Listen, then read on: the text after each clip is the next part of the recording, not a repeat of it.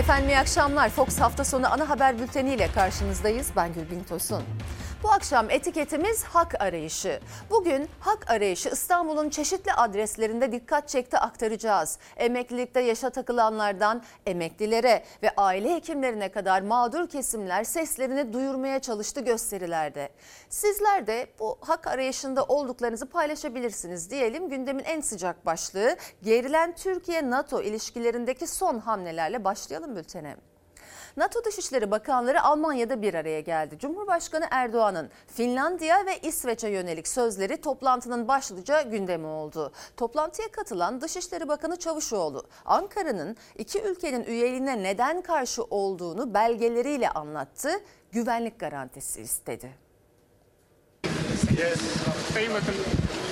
Türkiye olarak neden karşı olduğumuzu gayet açık bir şekilde sergiledik. Derlediğimiz fotoğraf ve diğer e, belgelerle beraber bunu müttefiklere gayet güzel bir şekilde anlattık. Türkiye'nin İsveç ve Finlandiya'ya yönelik çıkışı NATO toplantısına damga vurdu. Genel Sekreter Stoltenberg'den Türkiye'nin endişelerine ilişkin bir anlaşma bulabileceğimize eminim açıklaması geldi. Bu konuda Türkiye'nin endişesi nasıl giderilecek? Öyle sözle veya tamam bakarız ederiz gibi olmasın. NATO Dışişleri Bakanları Almanya'da gayri resmi toplantıda buluştu. Gündemde İsveç ve Finlandiya'nın üyelik hazırlıkları da vardı.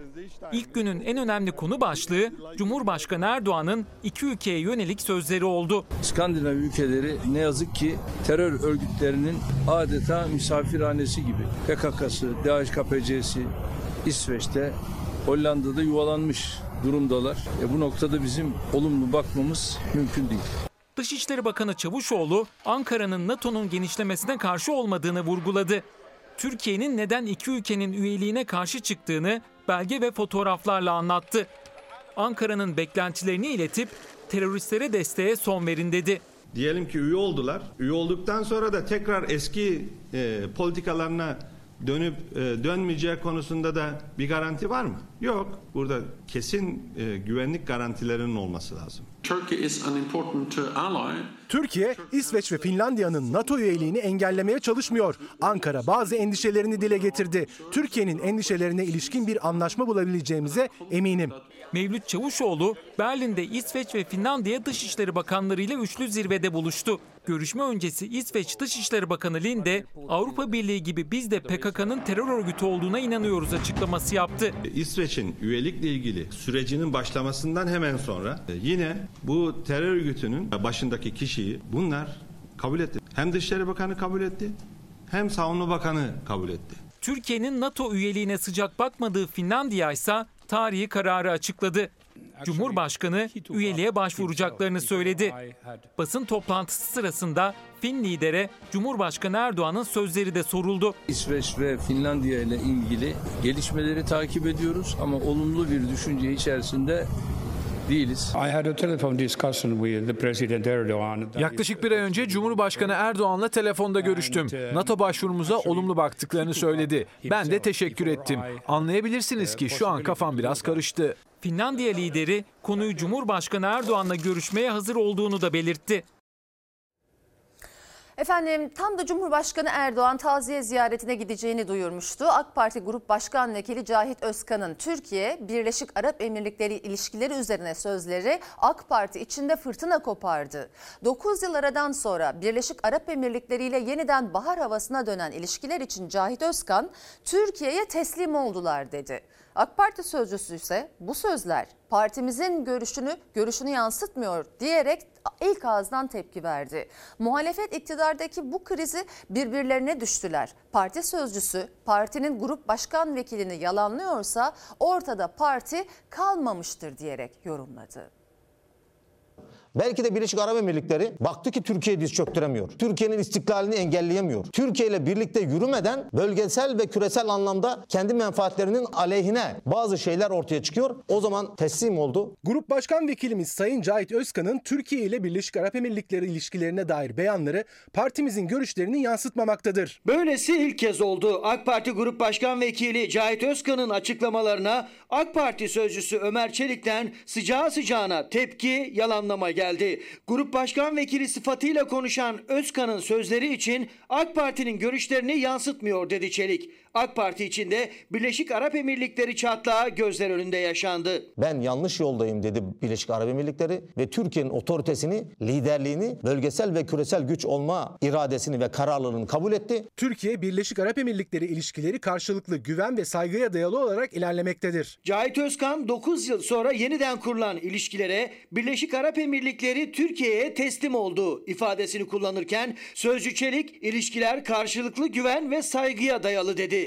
Muhalefet de AK Parti'deki çatlağa sessiz kalmadı. Bir parti sözcüsü çıkıp da grup başkan vekilinin söylediği sözler partimizi bağlamıyor diyorsa artık ortada bir parti kalmadı demektir. Cahit Özkan'ın pozisyonu AK Parti için olduğu kadar Türkiye siyasetinin sürüklendiği nokta açısından da son derece utanç vericidir. O zaman bugüne kadar mecliste Cahit Özkan'ın yaptığı konuşmalar partisinin görüşünü temsil etmiyor demek ki. Ya da bundan sonra Cahit Özkan'a yapacak konuşmalar partisinin resmi görüşü değil demek ki. Yeniden alevlenen polemikte Özkan CHP'nin eleştirilerine cevap verirken 15 Temmuz'da ilgili Birleşik Arap Emirlikleri'ne yöneltilen suçlamalardan da geri adım atmadı. 15 Temmuz darbesinin finansörleri diyordunuz. Sonra siz milletin gözünün içine baka baka yalan söyleyip U dönüşü yapıp 15 Temmuz şehitlerini sattınız, kol kola girdiniz. Dün 15 Temmuz'un madem ki finansörü, madem ki Türkiye kasteden FETÖ terör örgütü ve Türkiye düşmanlarının efendim finansörü Birleşik Arap Emirlikleri. Esas sormamız gereken soru şu. Biz buna inanıyoruz. Siz inanıyor musunuz? Ha, biz de inanıyoruz. Şimdi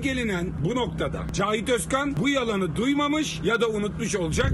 Eski söyleme devam ediyor. İki ülke arasında kopan ipler yoğun diplomasiyle kıştan bahara dönmüştü. 24 Kasım 2021'de Birleşik Arap Emirlikleri Veliaht Prensi Muhammed Bin Zayed El Nahyan Türkiye'ye geldi. Bu ziyaretten iki buçuk ay sonra bu kez Erdoğan Birleşik Arap Emirlikleri Devlet Başkanı Şeyh Halife Bin Zayed El Nahyan'ın ölümü sonrasında taziye için gidecek Abu Dhabi'ye. Ziyaret 3 gün sürecek. Allah rahmet etsin. Taziye için şöyle üç gün falan sürecek. Bu taziye için de ziyarete gideceğim. Sadece sıklaşan ziyaretlerle de sınırlı kalmadı ikili ilişkiler. Veliaht Prens'in Türkiye ziyaretinde 9 yatırım anlaşması imzalandı. Abu Dhabi Kalkınma Holding'inden anlaşmalar için 10 milyar dolarlık fon tahsis edildi. 4 ay önce de iki ülke arasında 5 milyar dolarlık swap anlaşması yapıldı. Para nelere kadir ya? 3-5 dolar için, para için birbirlerine düştüler. Birisi oklava diyor, öbürü baklava diyor. AK Parti'den ilk hamle sözcü Ömer Çelik üzerinden geldi. Cahit Özkan'a yeni hamle ne olacak? Özkan Grup Başkan Vekilliğini koruyabilecek mi? Gözler Erdoğan'da. Gülündü, eğlenildi. Sosyal medyada gün boyu Cahit Bey'in ifadelerine özellikle AK Parti'nin oy oranı ve kira fiyatlarını Avrupa ile kıyaslaması ile ilgili ki aktaracağız birazdan. Ama gündemi çok da meşgul etmesine izin vermeden şunu söylemek gerekir. Önemli noktalardan biri 15 Temmuz'un finansörüdür Birleşik Arap Emirlikleri ifadelerini bizzat İçişleri Bakanı evet 15 Temmuz'un faili Amerika ile birlikte Birleşik Arap Emirlikleri'dir. Bu kesin nettir. Sözleriyle geçtiğimiz yıl iki kere ifade etti zaten. Dışişleri Bakanı'nın da aynı yönde ifadeleri var arşivlerde. Biz bu dönüşleri de anlamaya çalışırken şimdi de kim kimin ayağına gitti gibi aslında çok gereksiz bir tartışma oldu. Görünen köy kılavuz istemez. İkincisi AK Parti bu kişiyi grup başkan, başkan vekili neden yaptı o zaman? Siyasette bu makamlar parti adına görüş bildiremeyecekse kendisi niye mecliste? Ya da esas kim görüş bildirebiliyor? Açıklayın da öğrenelim. Ortada büyük bir gariplik var. İstifası istendi söylentileri de var. Biz bilemeyiz parti nasıl tavır alacak. Ama inanın Özkan gibi birçok isim var bence parti içinde. Efendim İyi Partili Meral Akşener, MHP'li Oktay Vural'ın oğlunun düğününe katıldı. Nikah şahidi oldu. Süleyman Soylu Rize'ye giderken Bahçeli ile olan fotoğraflarıyla gündeme geldi. Mustafa Destici ise Cumhur İttifakı'ndaki üçlü fotoğrafı dikkat çeken bir hamleyle tamamladı. Hafta sonu siyaset ittifaklar içi ve ittifaklar arası dikkat çeken anları konuştu. Rize'mize ve aziz milletimize hayırlı olmasını temenni ediyoruz. Evet, şahitlik ediyorum. Biri Rize'den, diğeri Ankara'dan yansıyan iki fotoğraf seçimlere doğru dolu dizgin yol alan siyasetin hafta sonu gündemine damgasını vurdu. Bir kez daha ittifakları, ittifak içi ilişkileri, olası birliktelikleri konuşturdu. Sen orada, ben burada. Biraz yakın olalım. Dal ile asma gibi birbirine sarılalım. Rize Artvin Havalimanı'nın açılış töreni, Cumhurbaşkanı Erdoğan'ın ev sahipliği yaptığı törene Azerbaycan Cumhurbaşkanı İlham Aliyev de katıldı. Cumhur İttifakı'nın iki ortağı Bahçeli ve Destici, İçişleri Bakanı Süleyman Soylu'nun da bulunduğu aynı uçakla yan yana koltuklarda gittiler açılışa. Yaşadığı her gerilimde, muhalefetle girdiği her polemikte Bahçeli'nin desteğini alan Soylu sosyal medyadan paylaştı uçak pozlarını. Bahçeli'den sayın büyüğümüz diye söz etti. Sonrasında gözler açılış törenindeydi. Cumhurbaşkanı Erdoğan keyifliydi. Gel böyle bu yana. Bir şey diyeyim sana. Kurdela kesilmeden önce de Erdoğan kimin nerede duracağını organize etti. Aliyev'i sağına, ittifak ortağı Bahçeli'yi kolundan yavaşça tutup soluna aldı. Destici de Bahçeli'nin hemen yanında yer aldı. Eller kenetlendi, havaya kalktı. Ama bir eksikle. Rize'mize Bir anlık tereddütten sonra Destici ani bir manevrayla Bahçeli'nin elinden tuttu, havaya kaldırdı. Fotoğraftaki eksik böyle tamamlandı. Aynı günün akşamındaysa eski bakanlardan MHP'li Oktay Vural'ın oğlu Yavuz Vural'ın nikahı vardı Ankara'da. Destici Rize'den yetişti nikaha ama bütün dikkatler nikah şahitlerinden birinde. İyi Parti lideri Meral Akşener'deydi. Tuğba benim kız kardeşimdi.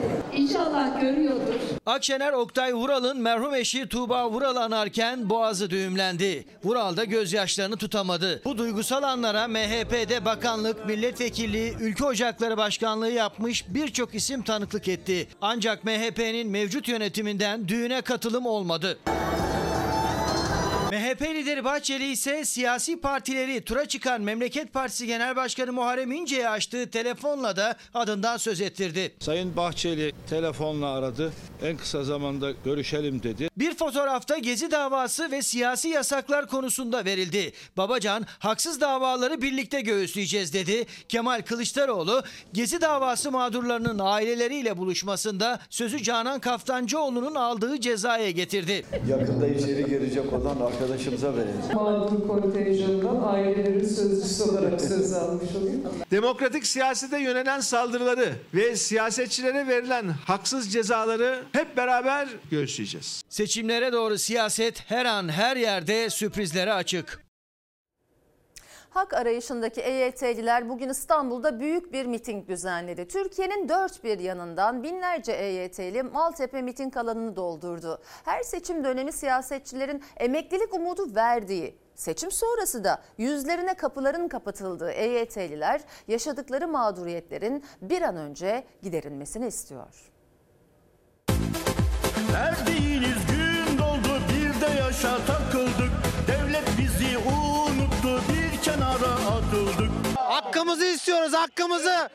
Sadaka istemiyoruz biz, hakkımızı istiyoruz. Eğer adalet varsa çıksın artık bu yasa. Binlerce EYT'li bir araya geldi. Ortak sorunlarını bir kez daha yüksek sesle dile getirdiler. Emeklilikte yaşa takılanlar bekledikleri yasanın çıkmasını istiyor. Siyasetçiler yıllardır bir umut veriyor, bir yüzlerine kapıyı kapatıyor. Ama EYT'liler haklarından vazgeçmiyor. Bezdik diyorum yani, bezdik. Neden bezdiniz? Emekli olamamaktan. Başımızda saç kalmadı, halen çalışıyoruz.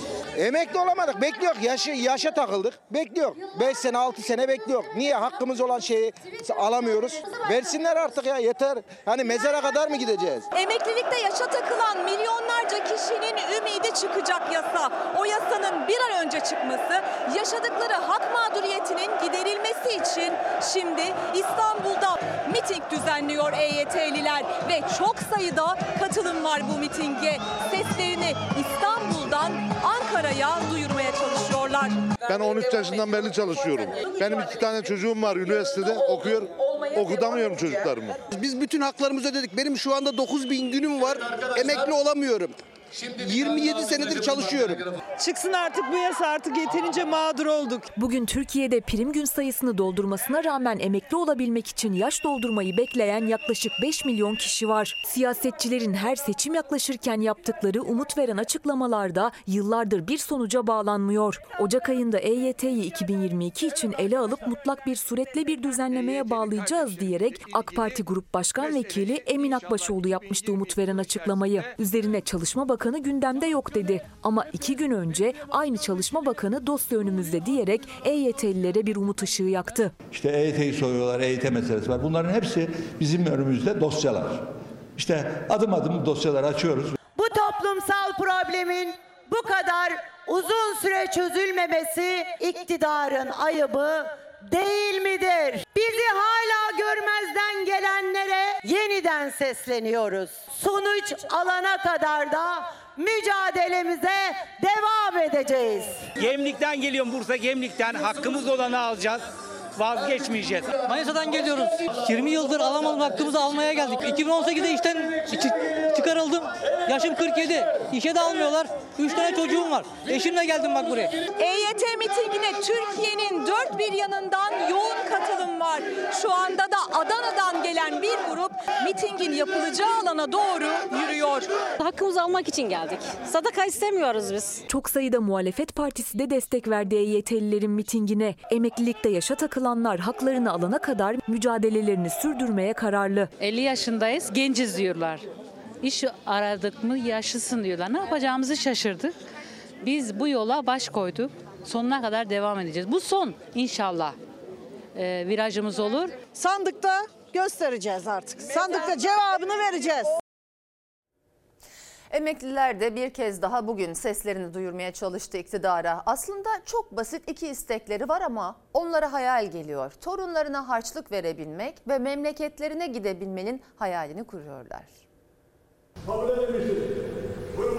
40 yıla yakın çalıştım yani ama alyansıma kadar sattım. Eskiden bir kişi beş kişiye bakabiliyordu. Şimdi beş kişi çalışacak bir kişiye zor bakıyor yani. 40 yıl çalıştı, alyansını bile sattı geçinebilmek için. Emekli maaşı yetmiyor çünkü. Onun gibi milyonlarca emekli var. Diske bağlı Emekli Sen'in Şişli Şubesi ikinci olan kongresinde buluştu emekliler. Haklarını alabilmek için mücadele veriyorlar. En azından torunuma bir haçlık verebilecek bir param olsun. Torunlarımıza bir şey alamıyoruz. Bu bizi çok üzüyor. Bu bizi çok aşağılıyor. Torunum özellikle cebimde olursa çikolata aldığım zaman sevinerek ay dedeciğim diyor.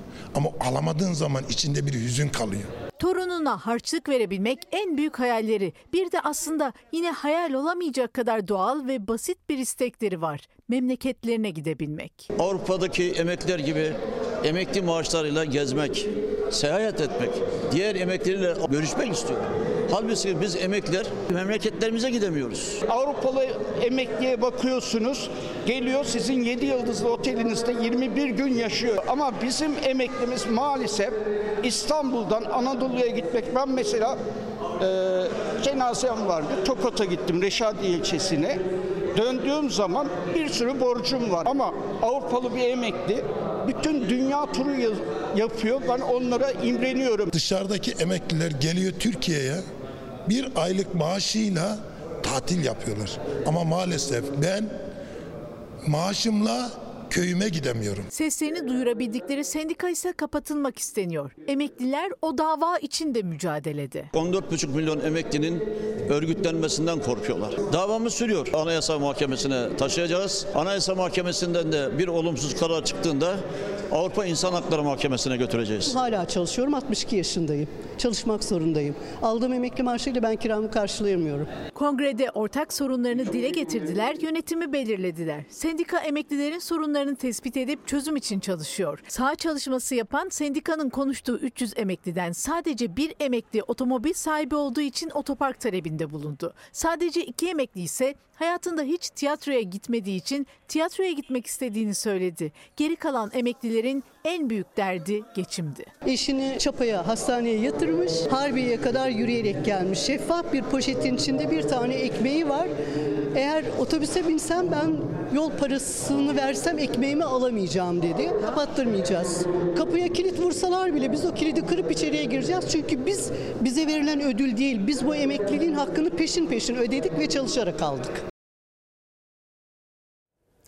Aile Hekimleri Dernekleri Federasyonu bugün İstanbul Kadıköy'de eylemdeydi. Ceza yönetmeliği adını verdikleri sözleşme ve ödeme yönetmeliğine karşı çıkan, yoksulluk sınırının altında aldıkları maaşla geçinemeyen, şiddete uğrayan aile hekimleri gökyüzüne siyah balonlar bırakarak seslerini duyurmaya çalıştı. Balonlar uçtu. Fakat umudumuz devam ediyor. 15-20 yıldır biz bir türlü popülist politikalar sebebiyle ideal bir aile hekimliği modeline bir türlü geçemedik. Bu ceza yönetmeliği de bizim kırmızı çizgimiz. Bugün bizler yoksulluk sınırının altında para alıyoruz. Biz hakkımızı istiyoruz. Edirne'den geldim buraya. Artık Türkiye'nin her yerini gezer olduk. Her yerde sesimizi duyurmaya çalışıyoruz. Dertlerini anlatmak, seslerini duyurmak için izin günlerinde adım adım Türkiye'ye dolaşıyor aile hekimleri. Ceza yönetmeliği adını verdikleri aile hekimliği sözleşme ve ödeme yönetmeliğine karşı bu kez de İstanbul Kadıköy'de bir araya geldiler. Bu yıl 14 Mart'ta aile hekimlerinin temel ücretlerinde artış sözü bizzat Sayın Cumhurbaşkanımız tarafından verilmiş. İki ay gibi bir süre geçmiş ancak bizlere yansıyan bir düzenleme olmamıştır. Arkadaşlar bizler artık müjde istemiyoruz. Bizler devletin yükümlülüklerini yerine getirmesini istiyoruz. Haziran 2021 tarihinde çıkarılan ödeme ve sözleşme yönetmeliğine tepki olarak neredeyse bir yıldır ayakta aile hekimleri. Salgının getirdiği ağır çalışma yükü, geçim sıkıntısı, dertlerinin üstüne yeni dertler olarak eklenirken Danıştay'dan bir nebze de olsa yüzlerini güldüren bir haber geldi. Danıştay ne demiştir biliyor musunuz sayın vatandaşlar? Bu yönetmelik hukuka aykırıdır. Bu hukuka aykırılığı ancak Anayasa Mahkemesi temizler demiştir. Nereden geldiniz bugün eylem için? Antalya'da çalışıyorum. Aile sağlığı merkezlerini idame ettirmemiz için bir e, miktar veriliyor. Onlar çok çok fazla düşük. Elektrik faturaları 600 liradan 1000 liradan e, 3000 liralara çıktı. E, Aynı şekilde kiralar 3 katı 4 katı olmuşken doğal olarak karşılayamıyoruz bu giderleri. Ve beyaz önlüklerimizi giyerek bir daha söylüyoruz. Bizler hiçbir yere gitmiyoruz. Beyaz önlüğümüz gibi alnımız ak ve yüzümüz ak. Buyurun arkadaşlar beyaz önlüklerimizi giyelim. Kadıköy iskelesinde beyaz önlükleri ve pankartlarıyla buluşan aile hekimleri dertlerini, sıkıntılarını simgeleyen siyah balonları gökyüzüne bırakarak bir kez de böyle seslerini duyurmaya çalışıyor. Aile hekimleri eylemlerini devam ettirmeye kararlı. Efendim Sağlık Bakanı Fahrettin Koca sağlık çalışanlarına yönelik kasten yaralama suçlarında tutuklu yargılamayı sağlayan, sağlıkta kamu hizmetini engelleme suçunu daha ağır cezaya çarptıran kanun meclisi e, maddesi mecliste kabul edildi. Hayırlı olsun demişti bu hafta. Ama bununla ilgili e, aile hekimlerinden gelen bir tweet'i paylaşmak istiyorum. Sayın Bakan'ın müjde diye meclisten geçtiğini söylediği sağlıkta şiddetle e, ilgili yasa düzenlemede birincisi yayınlanmış bir resmi metin yok. Bu nedenle müjde den- denilen ne biz onu bilmiyoruz. Ayrıca kişilerin tutuklanma alması için basit yaralama yapması ya da kamu hizmetini engellediğinin ispatı gibi muğlak ifadeler olduğu biliniyor. Hakimler kararı nasıl verecek? E, küfür, hakaret, tutuklama nedeni olarak görünmeyecek mesela şeklinde dertleri var. Son olarak tüm hekimler de efendim 17-18 bu ayın ve 26-27'sinde özlük hakları için yine e, e, greve gidiyorlar. Eylem yapacaklar. Bildirmiş olayım sizlere aktarmış olayım. Efendim Türkiye buğdayda da bir süredir kendini yönetemiyordu. Bir ilk yaşandı. Hindistan'dan 50 bin ton buğday ithalatı için anlaşma yapıldı. Ama durum Hindistan için de kritik. Kuraklık sebebiyle Hindistan da buğday ihracatını duyurma kararı aldı. Durdurma kararı aldı. Yani Hindistan buğdayına güvenenler yolda kalabilir. Hindistan e, elindeki buğdayı dünya ile paylaşabileceğini, ihraç edebileceğini duyurdu. Türkiye'de önemli itha- ithalatçı ülkelerden birisi 20-25 sene öncesine baktığınızda Türkiye'nin İç Anadolu bölgesinin tahıl ambarı olduğu söyleniyordu. En fazla üretimin yapılması gereken ülke Türkiye olmasına rağmen şu an tam tersi durumdayız. Buğdayın ana vatanı Türkiye ilk kez Hindistan'dan buğday ithalatına başladı. 50 bin tonluk buğday siparişiyle Hindistan'dan ithalat yapan ülkeler arasına girdi. Ancak tüm dünyada olduğu gibi Hindistan'da da buğdayı sıkıntılı bir süreç bekliyor. Kuraklık nedeniyle Hindistan'da ihracatı durdurdu. Türkiye'nin 50 bin tonu alıp almayacağı henüz netleşmedi ama sonraki süreçte Hindistan'a güvenen ülkeler buğday sıkıntısı çekebilir. Türkiye birçok üründe olduğu gibi buğdayda da dışa bağımlı artık. İlkokul, ortaokul çağımızda e, Türkiye için buğday ambarı denirdi. Maalesef yanlış politikalar bizi bu hale getirdi. Buğday ihracatında önemli ülkelerden birisi Ukrayna ve Ukrayna şu anda elindeki buğdayı ihraç edemediği için limanları kullanamadığı için dünyada buğday ile ilgili önemli bir sıkıntı var. Hindistan, Rusya-Ukrayna savaşının yol açtığı küresel buğday krizinde stoklarını devreye soktu. 1,5 milyara yakın nüfusuna rağmen Hindistan son 20 yılda politikasını tarım üzerine kurmayı başardı. Kendine yetmekle kalmadı, diğer ülkelere gönderecek kadar fazla buğday üretimine geçti. Türkiye'de ise hem maliyetler üreticiyi vurdu hem de döviz kuru. İthal buğday pahalıya geldiği için başta un, sonra da ekmeğin fiyatı günden güne artıyor. Unun maliyetinin düşmesi için ne olması lazım? Buğday üretimi olması lazım. Un düşmedikten sonra hiçbir zaman ekmeklik fiyat gerilimi olmaz. Bir daha farklı taşıma suyla değermen dönmez. Rusya-Ukrayna savaşının ardından Türkiye buğday ithalatı için bu kez Hindistan'ın kapısını çaldı. Hindistan'dan 50 bin ton buğday ithalatı yapılacak. Ancak ithalatın fiyatları düşürmek için çare olmadığı da rakamlarla ortada. Ekmek üretiminde kullanılan 50 kiloluk bir çuval unun fiyatı geçtiğimiz yıl Mayıs ayında 160 liraydı.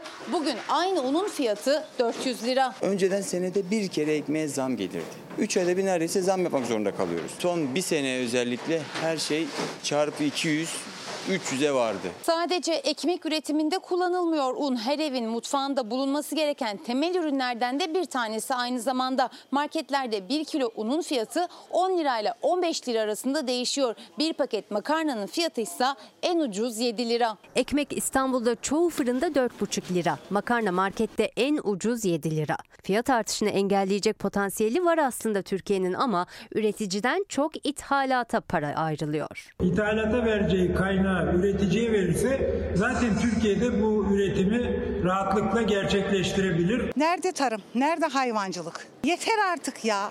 Yeter dışarıdan gelmesinler artık. Biz kendi kendimize yeten bir ülkeyiz çünkü. Çiftçi her geçen gün ağırlaşan üretim maliyetlerinin altından kalkamıyorum derken Tekirdağ AK Parti İl Teşkilatı buna karşı çıktı. Masraflarının değil karlarının arttığını savundu. Oysa çiftçinin, besicinin kendisi anlattı muhalefete. Mecburen üretimi azalttıklarını, ekilen alanları daralttıklarını. Ben bu sene 15 dönüm arazi. 15 dönüm. Geçen sene 150-170 dönüm falan vardı. 170 dönümden 15 dönüme düştü. 15 dönüme düştü.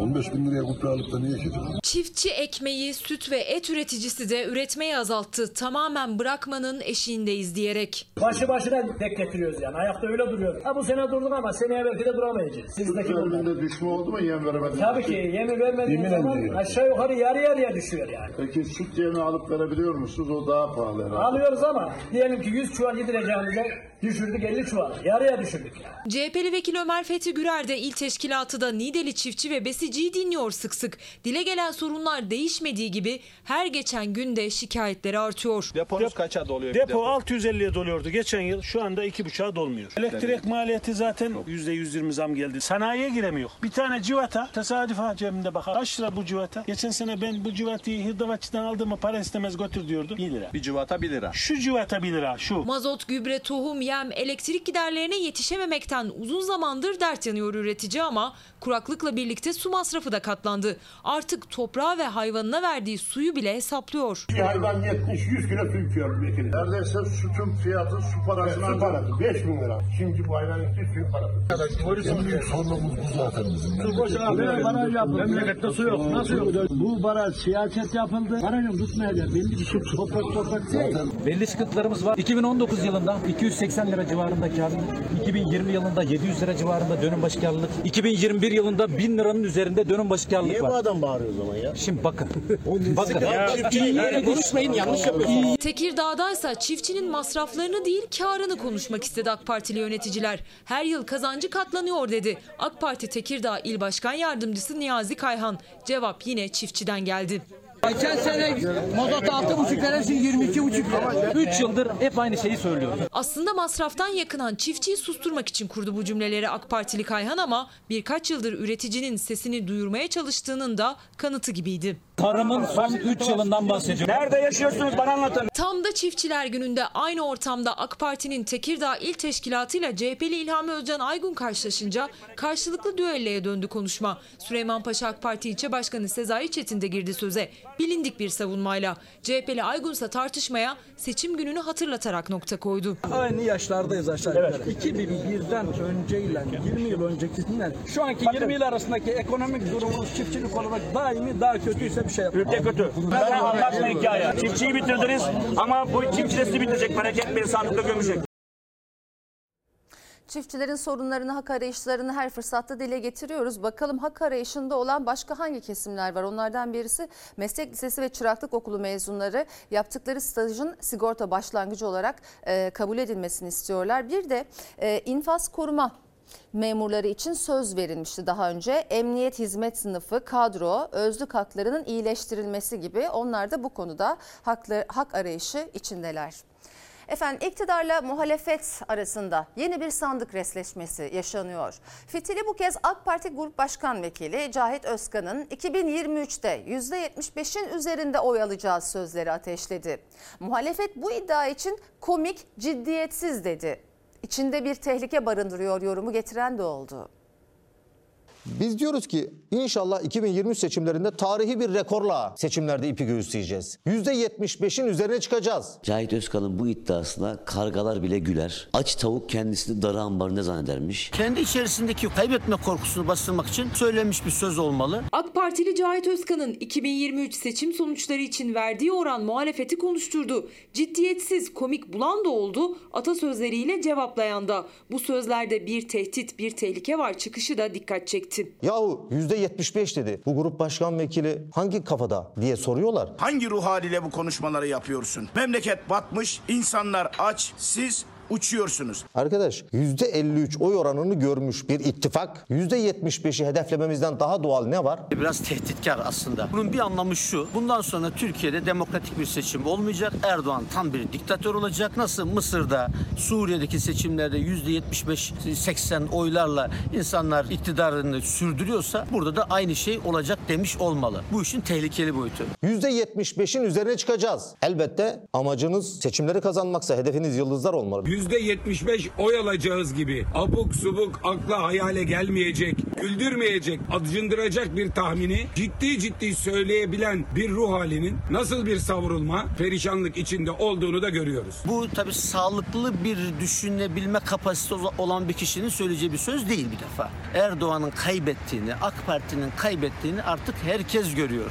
Erdoğan 2018 seçimlerinde %52,5 oy aldı. Seçimler yaklaşırken AK Partili Cahit Özkan çıtayı %75'in üzerine çıkarınca muhalefet madem bu kadar oyunuz var sandığı getirin restiyle karşılık verdi. Eğer %75 oyları varsa buyursunlar hodri meydan. Hemen seçime gidelim. Niye 2023'ü bekliyorsunuz Cahit Özkan? Sandık getirin hemen. Hakem millet. Bakalım %75 mi alıyorsunuz? %20'nin altında mı oy alıyorsunuz? Hep beraber görelim Cahit Özkan. Siz seçime giderken ne yaparsanız yapın. Ne kadar bol keseden dağıtıcı projelerle ortaya çıkarsanız çıkın çok yüksek enflasyon içerisinde bu seçime götüreceksiniz. Er meydanı sandık. Yüreğiniz yetiyorsa hemen seçim yapalım. Bırakın %75'i %30 dahi oy alamayacak. Bu çok net bir şekilde görünüyor. Tencerenin gönderemeyeceği ne parti olur ne iktidar olur. Bugün psikolojik iktidar el değiştirmiştir. Siyasal iktidarın el değiştirmesi için emeklilerle, emekçilerle, işçilerle, işsizlerle ve gençlerimizle birlikte siyasal iktidarı devralmak için gün sayıyoruz.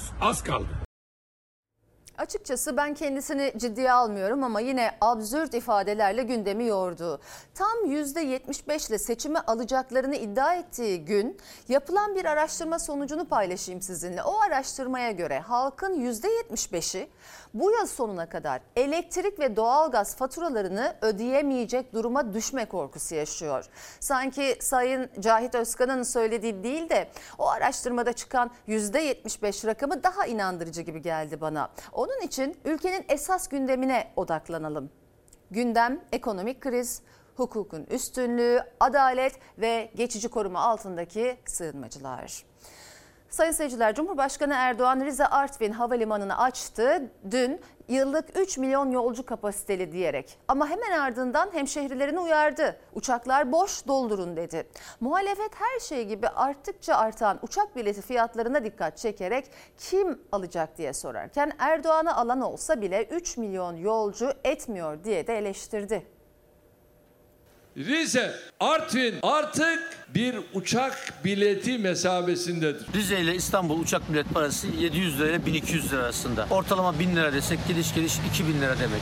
Bu parayı kim nasıl ödeyecek? Bu uçaklar dolacak mıdır, dolmayacak mıdır? Şu anda uçaklarımız boş gidip geliyor. Rizeli hemşerilerime, Artvinli hemşerilerime sesleniyorum. Bu uçaklar boş gidip gelirse ne Rizeli'ye yakışır ne Artvinli'ye yakışır. Cumhurbaşkanı Erdoğan Rize Artvin Havalimanı açılışında hemşerilerine seslendi. Adeta uyararak size yakışmaz uçakları doldurun dedi ama muhalefet de bilet hesabı yaptı. Kimin bütçesine uyacak diye sordu Erdoğan'a. Sayın Erdoğan siz milletin fakirleştiğinin herhalde farkında değilsiniz. İnsanlar evine ekmek götüremiyor ki uçağa binsinler. Bu bayramda görmediniz mi insanlar memleketine gidemedi otobüs parası bulamadıkları için. 4 kişilik bir ailenin İstanbul'dan Rize'ye gidiş gelişini hesap ettiğiniz zaman 5500 liraya yakın bir fiyat tutmaktadır. Rize Artvin Havalimanı yıllık 3 milyon yolcu kapasiteli terminali gerçekten gurur verici bir eser oldu. Ancak şu anda uçaklarımız boş gidip geliyor. Bu uçakları doldurmalı ki bu gidiş gelişler çok daha farklı bir şekilde devam etsin. Erdoğan'ın uçakları doldurun sözleri uyarıdan öte itiraftı muhalefete göre. Çünkü onlar da bir hesap yaptı ve Erdoğan'ınkiyle tutmadı. 3 milyon yolcu kapasitesi yoktur. Türk Hava Yolları'nın internet sitesine baktığınız zaman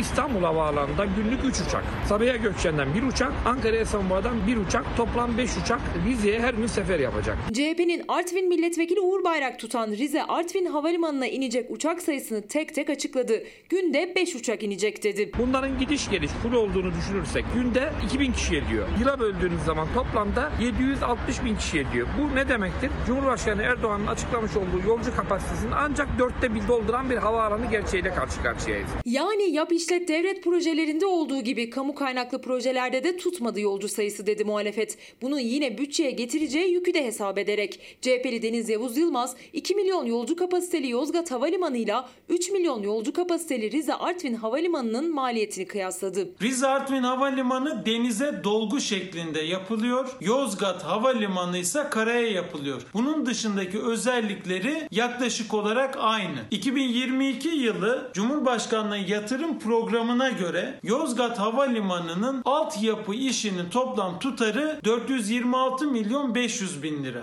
Rize Artvin Havalimanı'nın altyapı tutarı ise 2 milyar 694 milyon lira. Aralarında yaklaşık 6 kat fark var. Yani bu kamu kaynağını ben buraya kullanacağım. Buranın geliri nedir, gideri nedir, potansiyeli nedir diye bakması gerekir. Tabii bu hükümet aklına estiği gibi karar aldığı için bu tür sonuçlarla kaçınılmaz olarak karşılaşıyoruz. Adrese teslim olarak yapılan bu ihalelerden anlaşılıyor ki bu havalimanı işi şeffaflıktan uzak ve olması gerekenden çok daha pahalıya yapılmış. Sayın Cumhurbaşkanı milletin cebinde para olmadığı gerçeğini göremiyor artık demek ki. Bir de Trabzon Uluslararası Havalimanı e, yeni yapılan Rize Havalimanı arası sadece 1 saat 20 dakika. Oldu olacak Karadeniz'in ilçelerine de havalimanı yapın dedi bugün bir gazeteci arkadaşım. Çok haklı. Devam edelim. Efendim Atatürk Havalimanı'na Millet Bahçesi projesi iktidar tarafından gündeme getirilmişti. Ama ihale süreci oldu bittiye geldi. Davet usulüyle yine tanıdık şirketlerden teklif istendi. Hastane için yıkılan pistin devamındaki pistler de Millet Bahçesi için yıkılacak. Araçlar pistin üzerinde sıralı hazır bekliyor.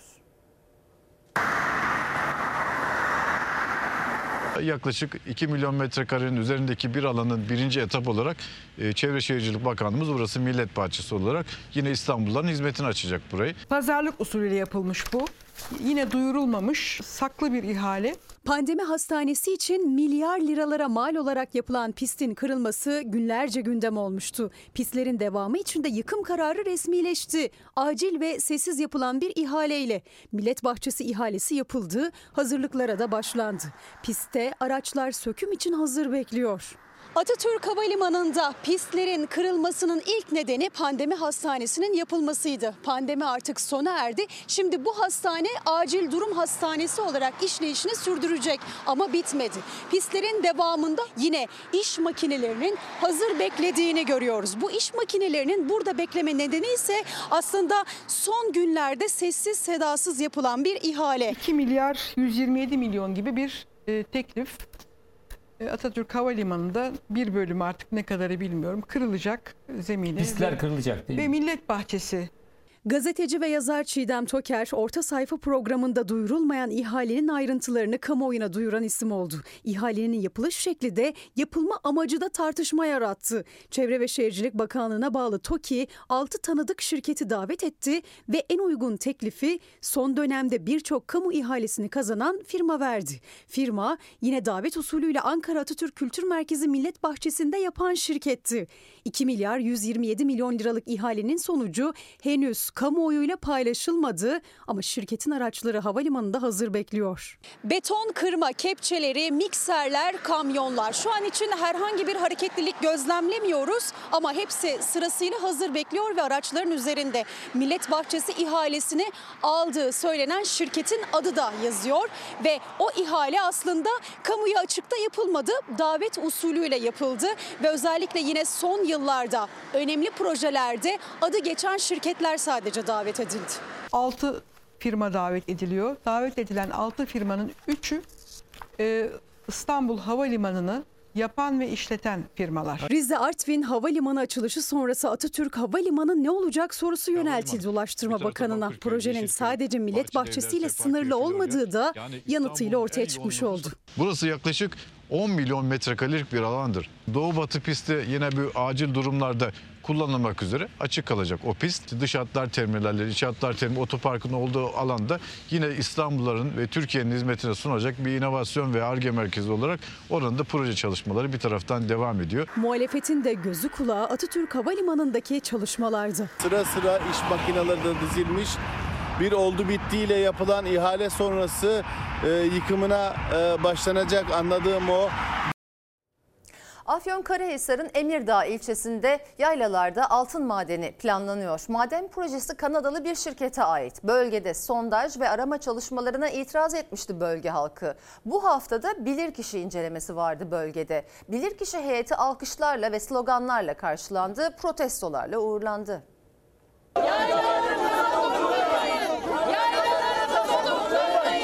Yaylalarında altın madeni için incelemeye gelen bilirkişi heyetine böyle seslendi Emirdağlılar. Yıllardır sürdürdükleri çevre mücadelesine Millet İttifakı da tanıklık etti, destek verdi. Aklımızda oynamayın.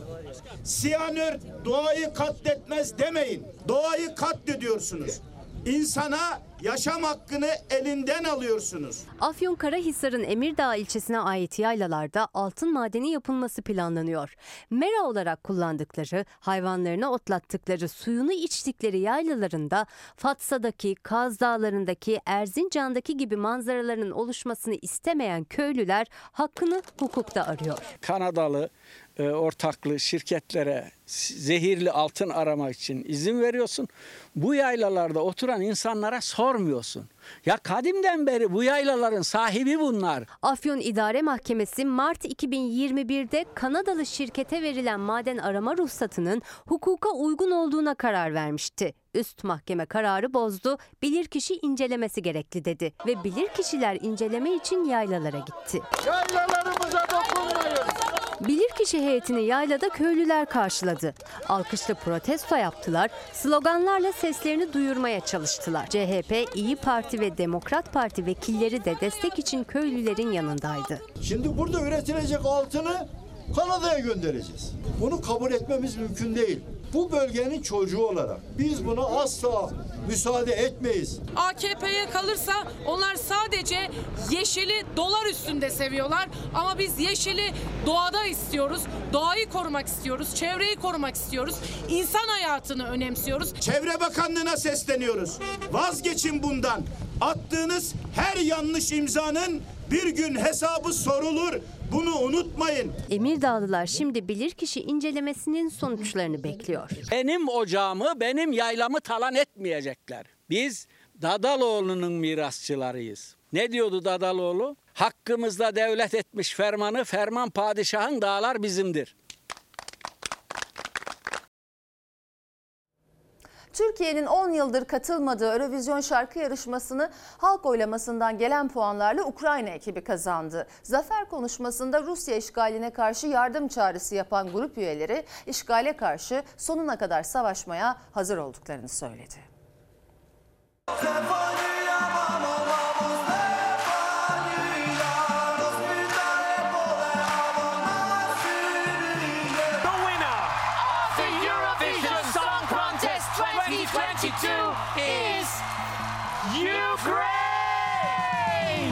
Özel izinle katıldıkları Eurovision şarkı yarışmasını halk oylamasıyla kazandılar. Rus işgaline direnen Ukrayna için dünyaya yardım çağrısı yaptılar.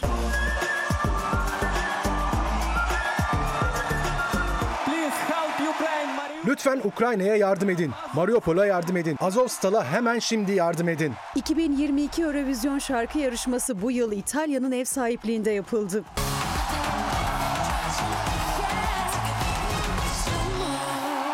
...66.sı düzenlenen yarışmada tüm ilgi Ukrayna üzerindeydi. Rusya işgaline direnen ülkeyi bir rap folk grubu olan Kalush Orkestra temsil etti. Stefania isimli şarkıyla finale kalan grup jüri oylamasında geride kalsa da halk oylamasından gelen puanlarla yarışmayı kazandı.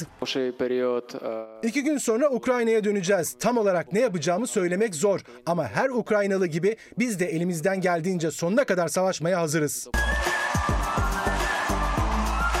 Ukrayna'nın seneye yarışmaya ev sahipliği yapıp yapmayacağı savaş nedeniyle belirsiz. Devlet Başkanı Zelenski ise Avrupa'ya yarışmacıları özgür ve yeniden inşa edilmiş Mariupol'de ağırlamak için elimizden geleni yapacağız mesajı verdi.